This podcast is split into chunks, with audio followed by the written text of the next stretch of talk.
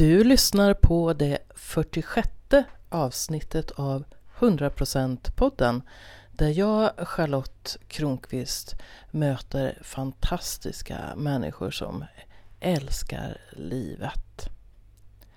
Och i det här avsnittet så kommer du att få möta en äkta 100%are. Han säger själv att han gör allt i livet till hundra procent.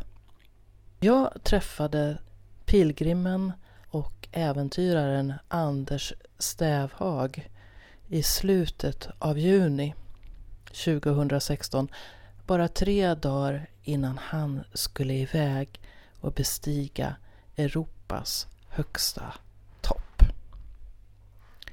Så där sitter jag med en man som ska göra något väldigt farligt och livsavgörande. En man som har klarat ut allting som behöver klaras ut innan han åker. För ifall det skulle gå dåligt så vill han att allt ska vara utklarat. Naturligtvis väntade jag med att sända det här avsnittet till dess Anders Stävhag gått upp på berget och kommit trygg ner igen. Så det extra roligt att få presentera honom och möta den här hundraprocentarens värld. Jag sitter med Anders Stävhag i hans hem på Frösön och vi är mitt i sommaren. Tack för att jag får komma hit. Kul att du kom hit. Och om bara tre dagar så ska du ut på äventyr. För det jag känner Anders som och andra också förmodligen känner dig som, det är att du är äventyrare. Hur blev du det? Ja, det, det blir man inte så bara sådär att idag ska bli äventyrare utan eh, man, eh, jag brukar kalla det så jag är som Mullemäck. Sagofigur Mullemäck. Jag undrar vad finns bortom vägen? Och sen så beger jag mig dit och tittar efter. Och vad finns bortom havet? Så beger man sig dit och tittar efter. Och vips så har det där blivit en livsstil. Vips? Ja, eh, man tänker inte på utan man klarar av en litet äventyr och sen så flyttar man gränsen så gör man nästa äventyr. Alltså det är ungefär som att säga att du bestämmer inte för att imorgon ska jag åka till Mount Everest. Utan du måste faktiskt förbereda dig för att åka dit och det tar tid.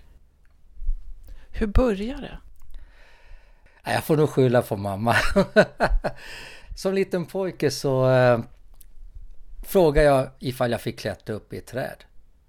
Och mamma hon sa, ja gör du det?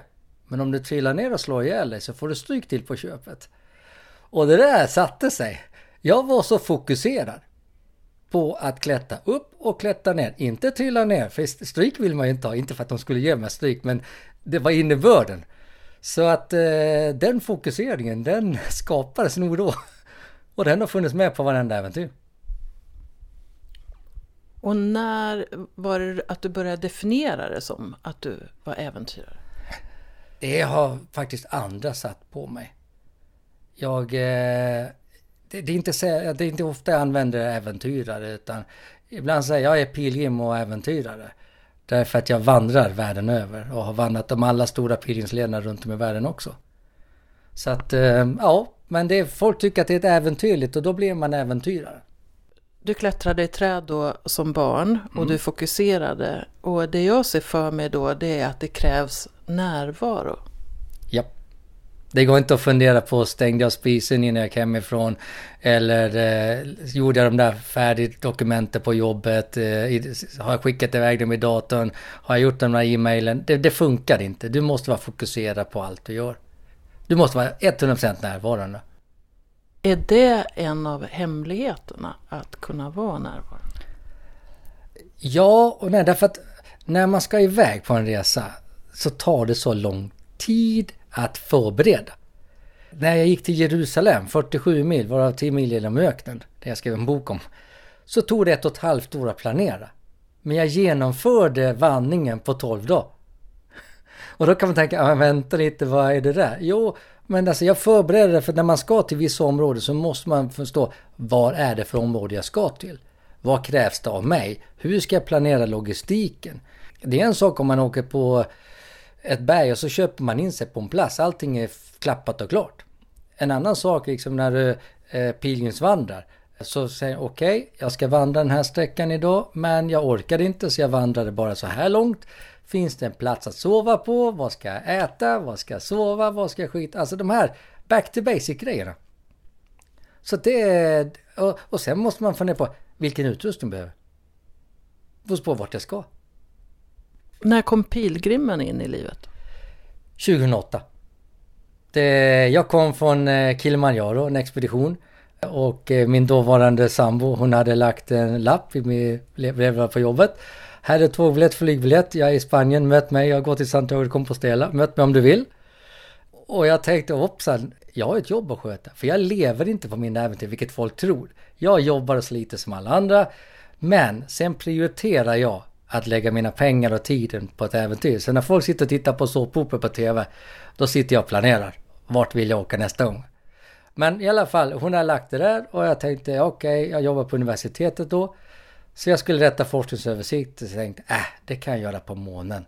Så jag stoppade dem där i ryggsäcken och sen så stack jag. Och 35 mil senare var jag fatta. Gick du hela? Ja. Och, och, och vad gav den upplevelsen där? Jag blev pilgrim. Forskarna är överens om att när man eh, pilgrimsvandrar så finns det 13 olika orsaker till varför man, blir, eh, varför man pilgrimsvandrar. Men oavsett orsaken så eh, du möter dig själv. Du möter dina värderingar, du möter dina eh, farhågor, du möter din trötthet, du möter ditt humör och allt det här kommer i ett. För du kan inte fly från det, för du är ju där med dig själv. Eh, de som vandrar i grupp, ja de börjar ofta då, ja jättekul och så surrar de. Tre mil senare är de tyst. Man tror att, ja men nu blir de trött. Nej, de börjar fundera. Reflektera, vad betyder det här för mig? Så att eh, någonting hände. Och det, jag vet precis när det hände också. På, eh, det var på vägen upp till Sebreiron. Och det roliga är att jag hade ingen aning om det men Paulo Coelho hade också en episod på vägen upp till Sebreiron som han har beskrivit i sin bok. Han letade efter svärd, det gjorde inte jag. Jag var bara där för att ha ett äventyr. Men jag gick från äventyret till andligheten. Berätta. Man måste inte vara religiös eller troende för att pilgrimsvandra. Eh, men någonting hände. Eh, saker och ting som jag inte kunde förklara. Jag är vetenskapligt skolad efter 19 år på universitetet. Men det hände saker och ting som jag inte kunde förklara. Så eh, jag bestämde mig för att åka till biskopen i Härnösand. Och jag hade ett fyra långt samtal. Och jag fick bara en enda fråga med mig hem. Hur många tecken behöver du? Och vilket blev ditt svar? Jag hade ju inget svar. Jag har fortfarande inget svar. Och det är det som är intressant. Och, vad som hände på den här vandringen, eh, det är ju individuellt och det är ju personligt liksom. Och det är faktiskt ingen annan mer än biskopen som vet vad, som, vad jag samtalar om. Men det var intressant för jag, jag kände att jag måste prata med kyrkans folk. Vad är det jag inte förstår? Alltså vad är det jag inte kan förklara? Så att, eh, men sen behöver det inte hända sådana saker på en pilgrimsvandring. Utan det handlar liksom om att den etiska och moraliska värderingen kommer. Det är ungefär som att titta sig i spegeln och säga Är du eh, humanist? Ja, säger de flesta. Är du humanist när det gäller? Mitt svar är nej. Man kan säga och man kan tro att man är det. Men när man står i ett faktum, så hur mycket är man humanist? Det är någon som säger att, ja men... Eh, någon säger, jag älskar dig så förväntar man sig att höra tillbaka. Men det står på gamla vigselbevis till exempel att eh, kärleken är oegennyttig, den söker inte sitt. Så du kan inte förvänta dig kärlek tillbaka från den personen som du älskar. Den är oegennyttig. Du kanske får kärlek från hundra andra människor. Och det är det som är det häftiga. Så att när, när folk möter sig själv, så vilka värderingar står jag för? Och står jag för dem i alla lägen? Är jag beredd att dö för dem? Och finns det värderingar som du är beredd att dö för? Ja. Frihet. Och vad är då frihet för dig, Anders? Du kan stänga in mig rent fysiskt, men inte mentalt. Eh, eh, när jag jobbar i min vardag så, jag brukar skämtsamt säga, jag känner mig som en aborigine. Jag måste göra en walkabout. Man går hemma i vardagen det, och så börjar det pocka på inombords. Det är dags. Det är dags. Och det växer och växer och växer. Till sist så står jag där. Det är dags för nästa expedition. Kroppen skriker efter, eh, alla sinnena skriker efter det. Och för mig är det som att hela förberedelsefasen, hela genomförandet, det, det är samma drivkraft som någon som är liksom, åh jag älskar att peta i trädgården. Eller någon som har en gammal Pettersson-båt som de fernissar och putsar på varenda år. Och så tänker man, varför gör de det? Passion. Hur vet du vart nästa resa ska ta dig? Det vet jag inte. Det vet jag inte. Kom, alltså, är det att du har tänkt eller kommer det bara en visshet, nu ska jag göra det här eller hur, hur sker det? Nej men alltså, jag har ett väldigt dyrt nöje. Mina expeditioner kostar mycket pengar. Den här expeditionen är väl ungefär 40-50 tusen. Och så insåg man, på 11 då? Ja exakt. Men i alla fall, eh, det, eh, jag, jag lägger det pengar. Men man har ju alltid en sån här bucket list. Och så, prat, så möter man människor och så börjar de prata om någonting. Så, wow, det där, där har jag inte varit. Ja, kan jag åka dit? Ja, där skulle det passa i vardagen. Ja, så, så hamnar det i, i skrubben ungefär. Och så en vacker dag så öppnas möjligheten. Vänta, det där? Ja, men dit har jag alltid velat åka. Okej, kan vi åka dit då? Så passar det. Och så blir det en, blir det en expedition så blir det en expedition eller så blir det en semesterresa. Får på vad det gäller. Du har varit uppe på Mount Everest och Kilimanjaro och vad är det fler för toppar som är viktiga på bucketlisten där? Alla, alla, alla människor pratar om Seven Summit. Det berget jag ska till nu är ju är en av Seven Summit, det är Mount Elbrus. Eh, jag var på Mont Blanc när jag var 20 år. Eh, då var det Europas högsta topp. Det är den inte längre. Man flyttar gränser i Europa. Så helt plötsligt så ligger Europas högsta topp i Kaukasus i Ryssland. Och då är det bara att åka dit då. Sju toppar är det på sju kontinenter då alltså? Exakt. Och hur många har du kvar? Eftersom jag inte nådde toppen på Everest så har jag Everest kvar. Annars hade det här varit min tredje. Men jag har inte det som mål. Utan jag vet att jag kan eh, göra fyra, fem av dem där med min egen plånbok. Sen så finns det de andra som kostar lite mer då. Eh, Everest kostar en halv miljon. Men lite spons hade du kanske? Ja, ja, ja, ja jag, har, jag har sponsorer. Eh, och jag har sponsorer på den här resan också, liksom i utrustning och sådär. Men man måste leverera. Och jag har hållit på så många år så att de som sponsorer jag har nu, de får ju alltid mer tillbaka än vad de har stoppat in. Det vet de om. Så att det, och det, det kan vara allt ifrån att säga, ja men eh, jag vill ha den här bilden. Okej, okay, om jag ser till så att jag kan ta den där bilden då. För skulle de skicka en fotograf.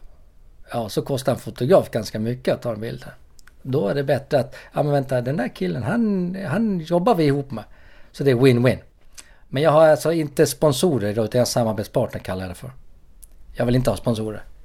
Utan eh, jag vill, eh, för varje samarbetspartner så sätter jag mig ner och så samtalar vi. Vad kan vi samverka om? Hur vinner vi båda på det här?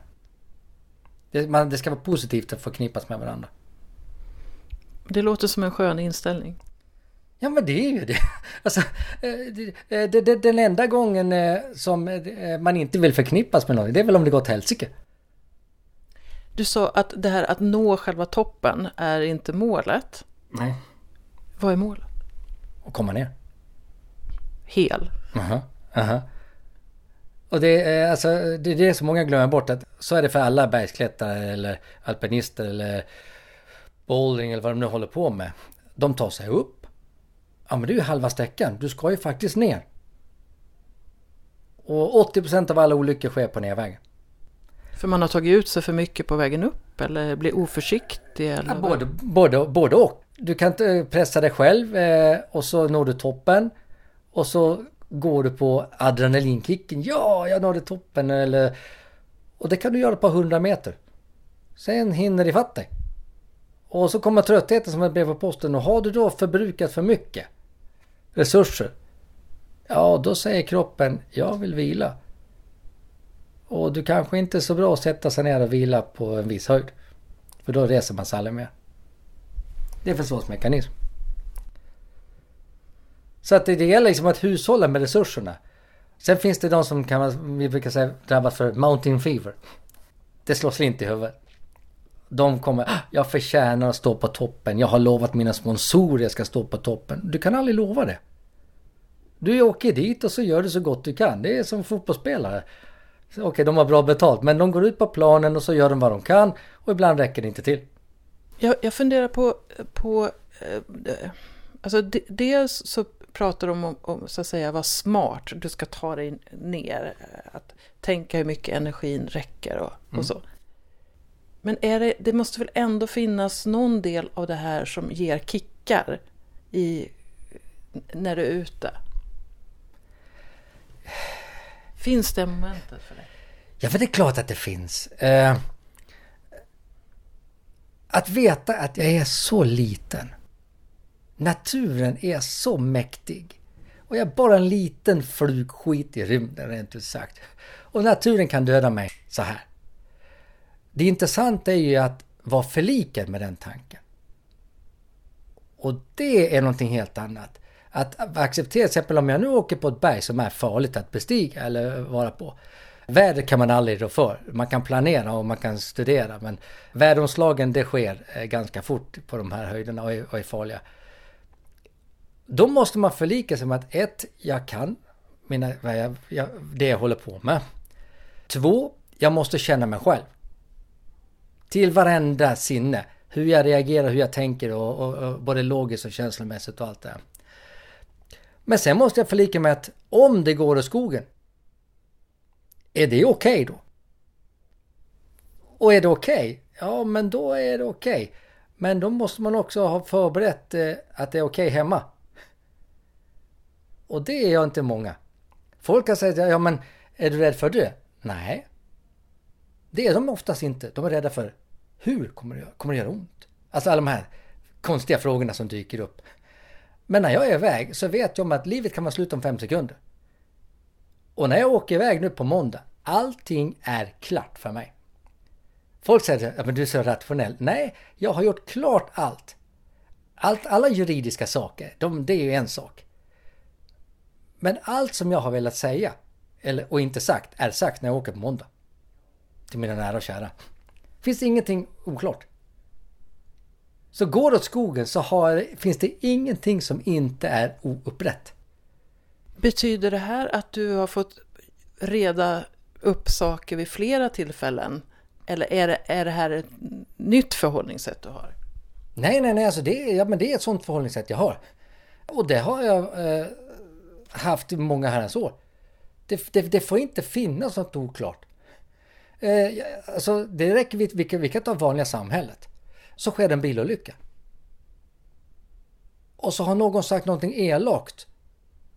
Så man, man har skilt som ovänner till, till exempel. Va? Och så går det åt skogen.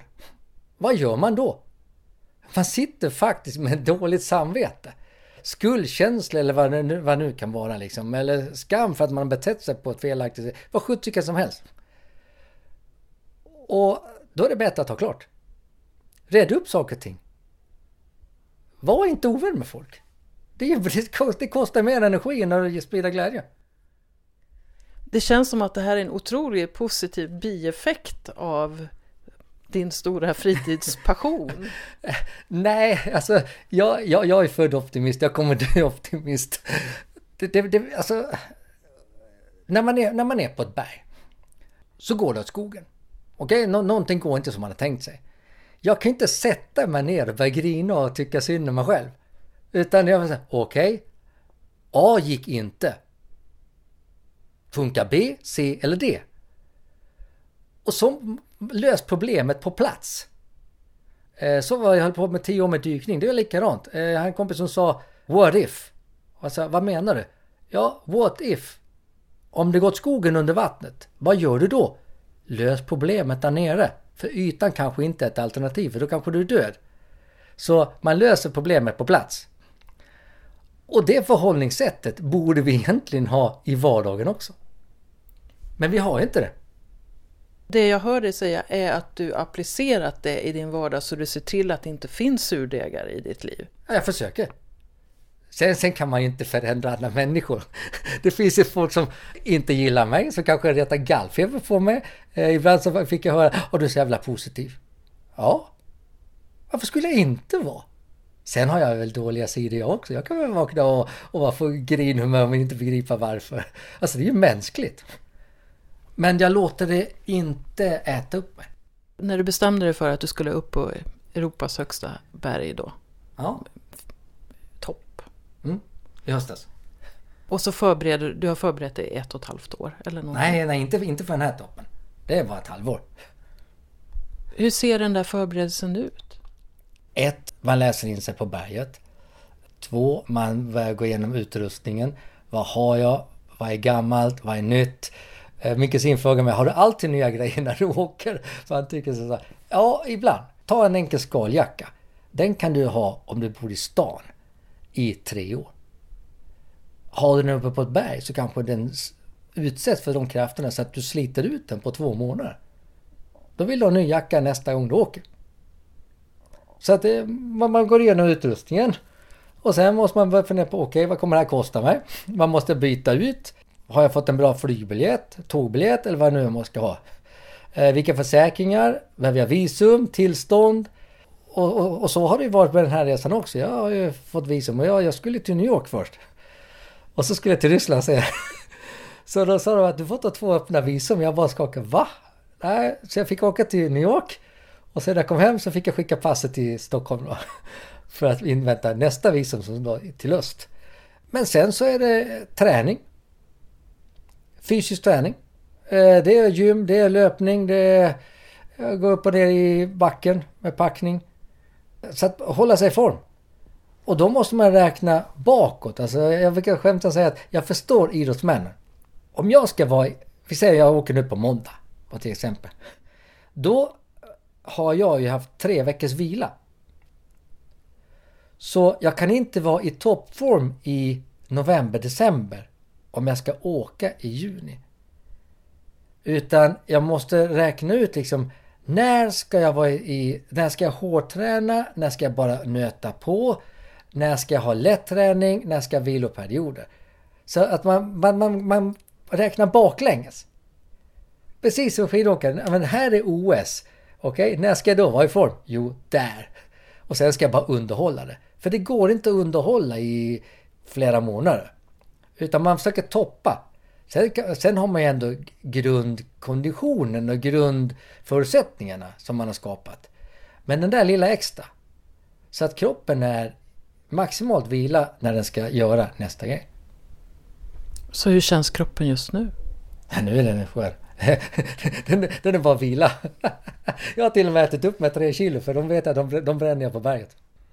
Du beskrev en situation där, eh, säg att det är något krångel där uppe på, på berget när du är på väg upp och så eh, A går inte och du får fundera på B, C och D och du löser det då mm. där.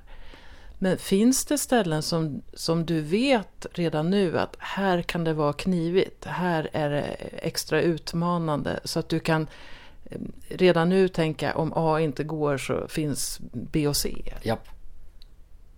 Det finns det alltid.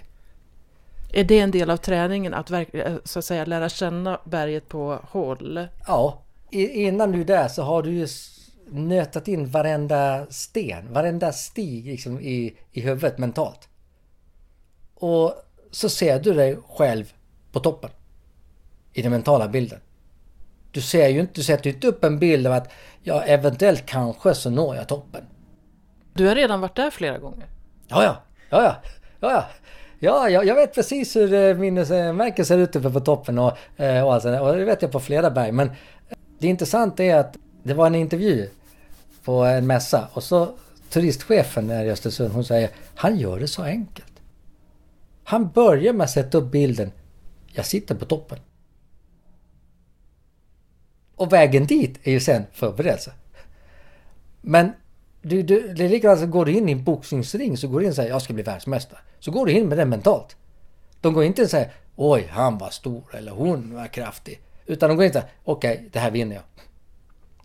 Och det är den mentala inställningen att har du gjort allt, förberett dig, eh, Du känner dig själv, du vet att du har packat din utrustning, du vet att du har liksom gjort dina grejer. Ja, då ska du leverera sen. Och jag brukar säga när jag tränar hemma, om jag gnäller hemma så har jag inte på äventyret att göra. För det betyder ju att jag kommer gnälla där. Och det är inget bra. Så klaga över, jag släpar mina bildäck liksom här hemma runt berget och sådär. Och jag, och jag gnäller. Ja, gnäll som sjuttsiken hemma. För när du är där, då ska du leverera. Jag förstår att du den här gången ska göra något som i alla fall ingen svensk har gjort. Du ska göra något som heter att du går travers på det här. Ja. Eh, Vad är det? Ryssarna påstår att jag är... Att ingen svensk har gjort en travers.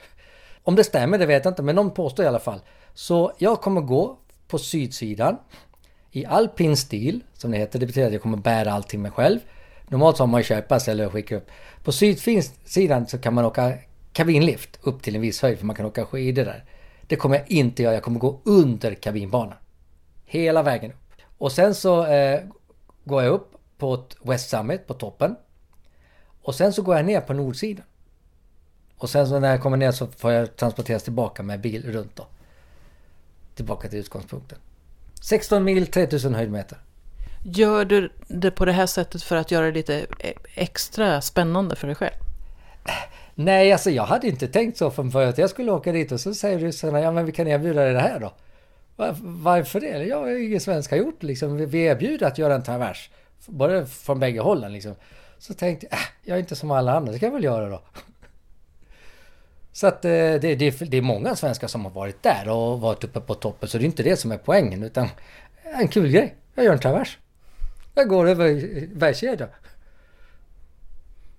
Men för, det, men för att kunna göra det så måste jag faktiskt nå toppen. Så att, eh, och där är Elbrus har sitt eget lilla värde. Du berättade innan vi slog på här att din nuvarande sambo, eller fru kanske det är? Sambo. Sambo att hon, ni möttes ganska kort tid innan du skulle upp på Mount Everest. Ja. Hur var det att vara nykär och klättra högt i farligt berg? Det är väl inte så klokt att eh, träffa någon, eh, huvudet fullständigt eh, tio dagar innan man far till världens högsta berg. Men eh, hon fanns där och eh, hon finns fortfarande där. Så hon kom ju rakt in i hetluften. Alltså hon sa det här är mitt liv. Eh, och eh, det är ungefär som att leva med någon som har två liv. Eh, det är äventyrslivet och så är det vardagslivet. Hemma är jag ju vardagen, men äventyret är ju en del av mig.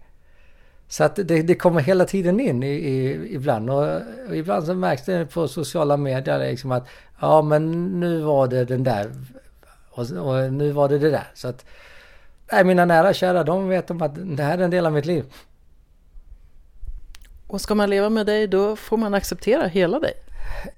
Ja, alltså... Man är inte borta så många veckor per år.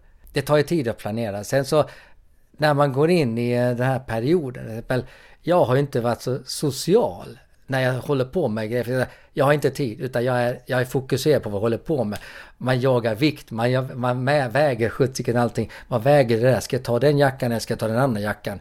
Ja, förutsättningarna det och det. Så att man är ju gramjägare. Och när man håller på sådär så blir man ganska rätt insnöad. Man blir lite nördig brukar jag säga sådär. Och, och det är ganska skön känsla. Jag fick en fantastisk julklapp, en ny isyxa. Den väger 205 gram. Och då blev jag sådär, man sitter liksom och klappar ungefär som, ja, man ser nog ganska löjlig ut när man sitter och blir alldeles lyrisk över nya prylar. Köpte nya trekkingstavar häromveckan. veckan eh, i karbon hälften av vikten på de jag hade. Och så ser man det här, hmm, high tech. Alltså utrustningen är ju också en high tech vara. Alltså det, det krävs bra utrustning. De måste vara funktionella och klara det man ska göra. Alltså det ser ut, det, det, blir så mycket lyster i dina ögon när du talar om de här gramjagandet. Ja, det, det är så det är.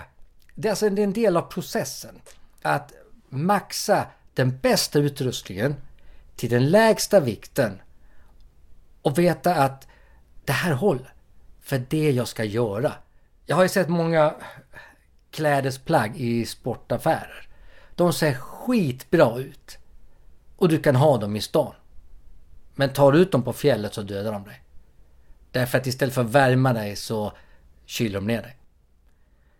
Och det här är, alltså man, man, man blir nördig för man granskar klädesplagg, man granskar liksom utrustning och man granskar skor och kängor alltså på ett annat sätt än vad vanliga människor gör.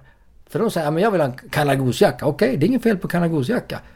Jag kan inte ha den på vissa ställen dit jag ska. Men på något annat ställe så kan den vara alldeles utmärkt. Om den är äkta. Falskt så kanske den dödar mig på berget eller fjället istället för att värma mig. Därför att den är fylld med felaktiga saker. Du ska vara ute 11 dagar. Ja. Har du med dig all din mat och hur ordnar du att sova och sånt? Eh, på sydsidan så är det sådana här barrelhytter. Alltså det ser ut som stora runda trätunnor som man sover i. Eh, och sen har jag sett till att eh, ryssarna fixar måtten här nu då. Så att eh, jag har minimerat eh, vikten. Men sen när jag kommer på nordsidan så är det tält som gäller. Så i dina sju kilo så är det tält? Nej, det har jag sett till att det kommer vara där. Ah, så det är en del sånt pyssel som ja. du behöver hålla på Logistik. Så min packning just nu kommer att vara ungefär 15,5 kilo. Komplett. Och när du är nere så är den 12? Ja. ungefär. Det var något som du sa för ett tag sedan som jag, jag tänkte på det här med närvaro och fokusering och att också inte vara rädd för döden mm. och så. Jag använder ett ord som jag kallar för surrender.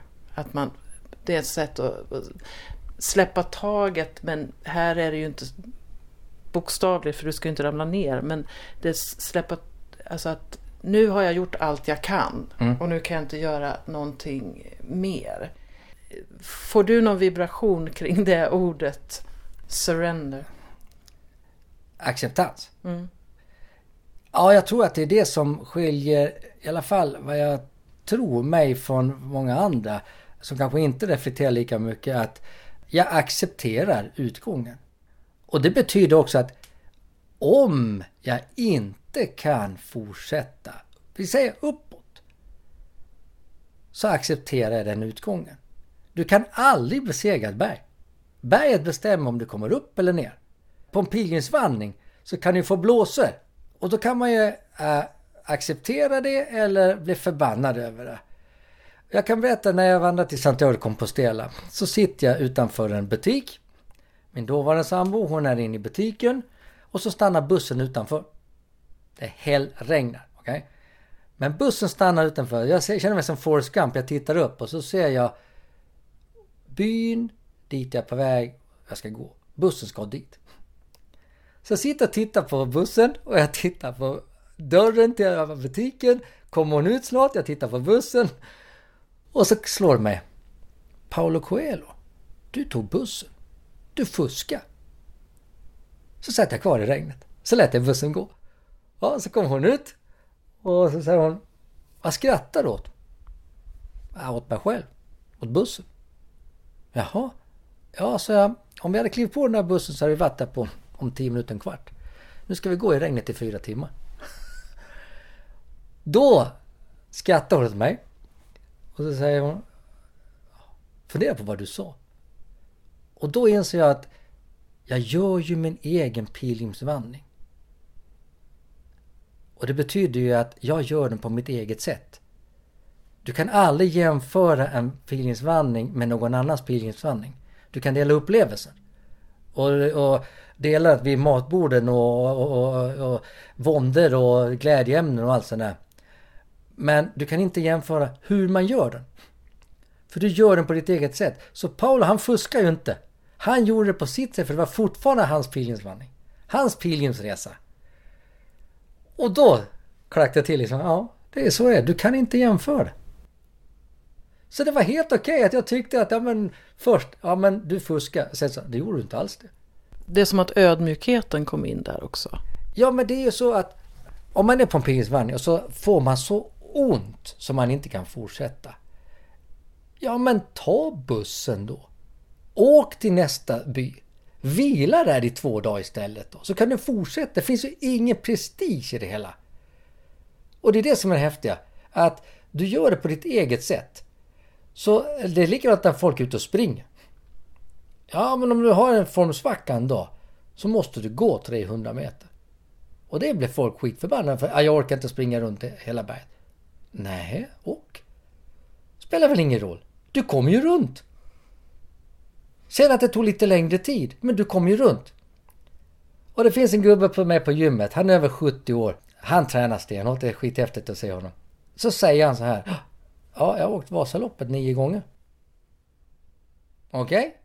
Och jag bara står och ler. Det, det, det, det syntes när han stod och drog i de här repen liksom. Och då började de yngre grabbarna fråga. Ja men va, va, hur fort åkte du då? Och så säger han, ni hörde inte. Jag har genomfört nio lopp. Skit i tid. Alltså han satte pricken över i Och där stod jag liksom, mm, det är samma sak. Han har genomfört nio lopp. Komplett från start till mål. Spelar ingen roll hur lång tid han hade. Han har genomfört det och det är det som är poängen. Men folk jagar tid och folk håller på att jaga tid och titta på sina pulsklockor och sådär. Om du, om du inte kommer i mål, då har du misslyckats. Du springer en maraton och så stukar du foten på upploppet. Du kan bryta eller så går du i mål. Tiden är skitdålig men det är bättre att du kommer i mål. Men så tänker inte folk. Och du har också hittat ditt eget sätt att ja. definiera vad mål är, nämligen att ta dig ner från ditt äventyr. Att komma hem. Ja, komma hem. Ja.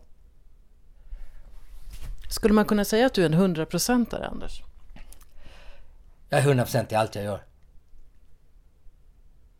För jag gör ingenting halvdant. Finns inte. 100%. Därför jag har alltid varit sådär, kör huvudet i väggen.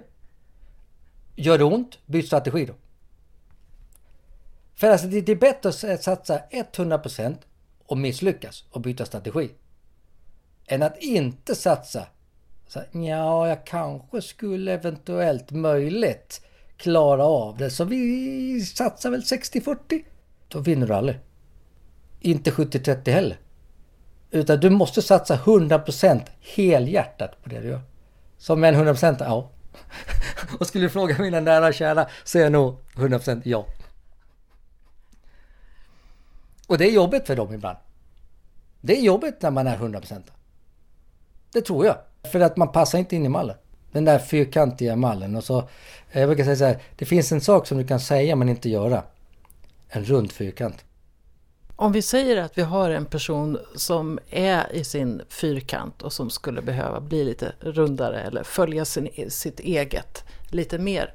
Vad skulle kunna vara ett första steg? Pilgrimsvandring. Det kommer blixtsnabbt. Ja. Kan man göra det i Sverige också? Ja. Det finns hur många pilgrimsleder i Sverige som helst. I södra Sverige så finns ju Sankt Olof Går tvärs igenom hela Skåne och... Så det... Du kan alltså ta och börja pilgrimsvandra, kort eller långt. Tack Anders Stävhag för att jag fick träffa dig bara några dagar innan ditt nästa äventyr. Ja, tack själv. Nu ska jag fortsätta packa. Ja, det kanske är dags för en pilgrimsvandring för att hitta hem till dig själv. Bland mina poddsamtal så finns det två andra pilgrimsvandrare. Lyssna gärna igen på Nina Granbom eller Gösta Tingström som båda är mycket vana pilgrimsvandrare. Och kanske någon av dem också hade med sig något exemplar av Paulo Coelhos böcker som beskriver pilgrimsvandringar, vägen hem till dig själv. Du vet väl att du kan vara med och samskapa 100% podden? Jag har inlett ett samarbete med Patreon som innebär att du kan lägga en dollar per cent avsnitt. För att göra det går du in på Patreon, Patreon slash Charlotte Kronqvist och lägger ditt bidrag. Det är jag jättetacksam för. När du gör så kan vi, vi tillsammans vara med och bidra till att 100% podden blir ett riktigt bra och långlivat projekt. Och om bara några dagar så kommer jag att befinna mig på Ängsbacka och Tantrafestivalen där och köra 100% podden live. Och då kommer jag att möta fyra tantralärare från världens olika hörn. Du kan lyssna på dem där på Ängsbacka och de kommer också spelas in och sändas senare i podden. Och om du funderar på att åka till Tantrafestivalen så kan jag erbjuda dig 10% rabatt på festivalbiljetten. Gå in på Ängsbackas hemsida, ängsbackaangsbacka.se. Ta dig fram till Tantrafestivalen och använd koden LUST16, L-U-S-T 16, så får du dina 10 rabatt. Och då kanske vi ses rent av. Ha det riktigt skönt i sommarvärmen. Vi hörs!